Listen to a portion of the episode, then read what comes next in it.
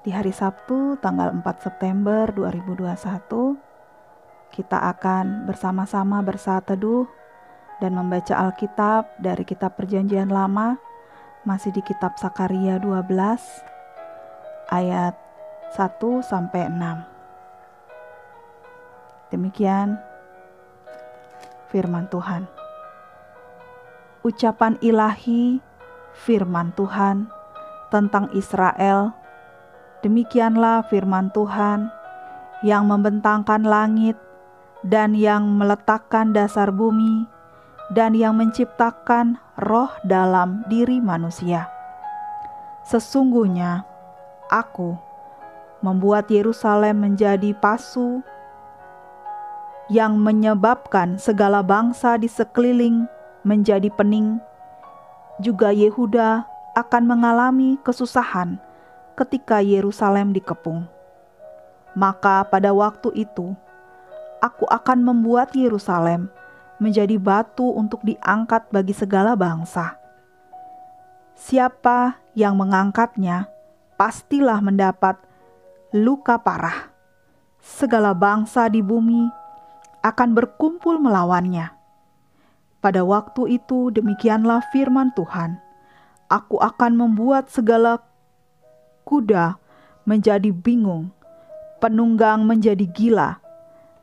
Atas kaum Yehuda, aku akan membuka mataku, tetapi segala kuda bangsa akan kubuat menjadi buta. Sesungguhnya, sesudah itu, kaum-kaum di Yehuda akan berkata dalam hatinya, "Penduduk Yerusalem mempunyai kekuatan oleh karena Tuhan semesta alam, Allah mereka.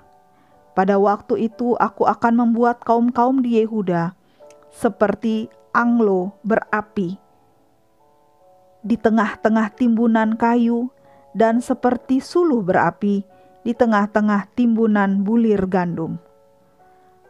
Api keduanya akan menjilat ke kanan dan ke kiri segala bangsa di sekeliling, tetapi Yerusalem selanjutnya akan tetap tinggal di tempatnya yang dahulu.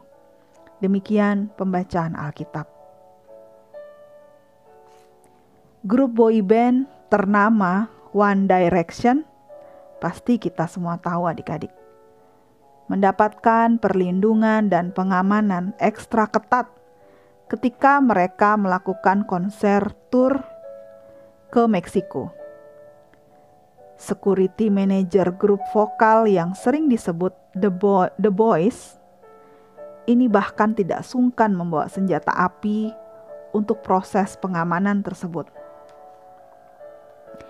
Dia mengatakan bahwa perlindungan ekstra ketat seperti ini dibutuhkan ketika konser diadakan di negara-negara dengan tingkat bahaya yang tinggi.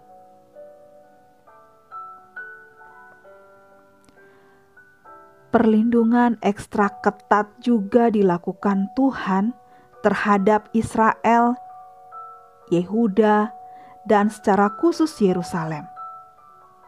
Pembacaan perikop kitab Sakaria yang tadi kita baca di pasal 12 hari ini dibuka dengan pernyataan tentang kebesaran Tuhan.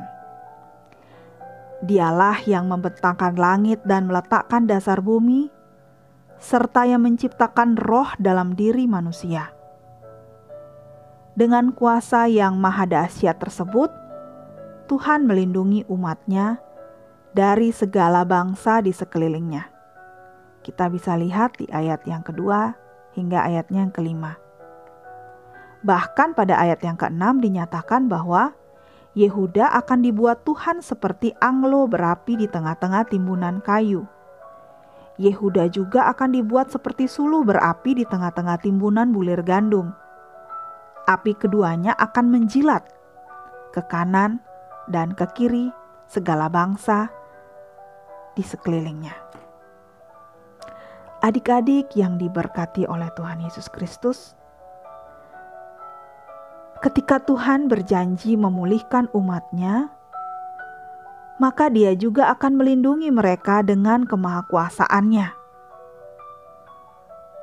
Kita tahu saat ini kita masih berjuang melawan pandemi COVID-19 dan keterpurukan kondisi ekonomi yang diakibatkan olehnya.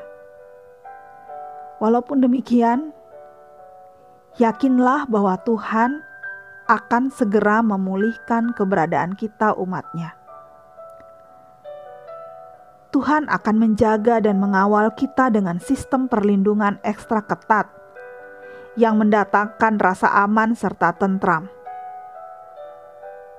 Karena itu, serahkanlah segala kekhawatiran kita, adik-adik, kepada Tuhan, dan percayalah bahwa Tuhan, yang adalah sumber segala berkat, akan memelihara adik-adik dalam mengarungi setiap badai kehidupan jadi, tetaplah kita berpegang teguh pada janji penyertaan Tuhan.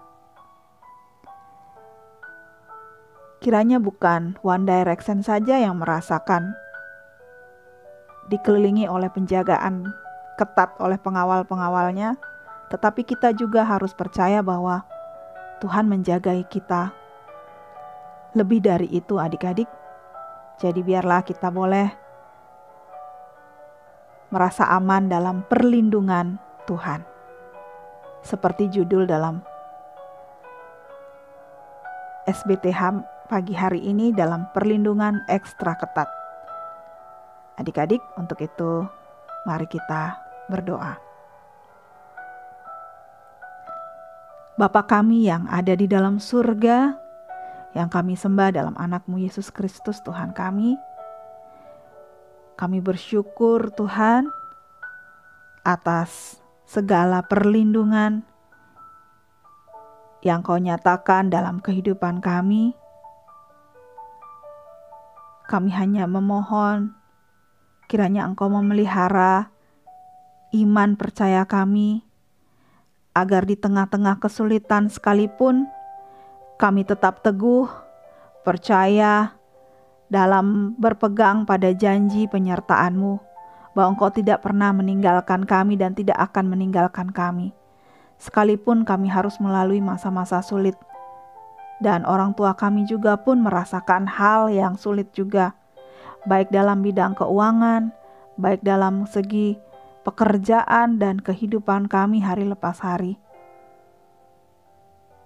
Biarlah roh kudusmu memberikan kami penghiburan, ketenangan, sehingga kami merasa aman dalam perlindunganmu. Dan ajarlah kami untuk selalu mengucap syukur dalam segala hal. Inilah doa syukur kami Bapa, dan biarlah roh kudusmu memampukan kami untuk menjalankan hari ini dengan baik. Di dalam nama Tuhan Yesus, kami anak-anakmu sudah berdoa dan mengucap syukur hanya kepada Bapa di surga. Haleluya. Amin.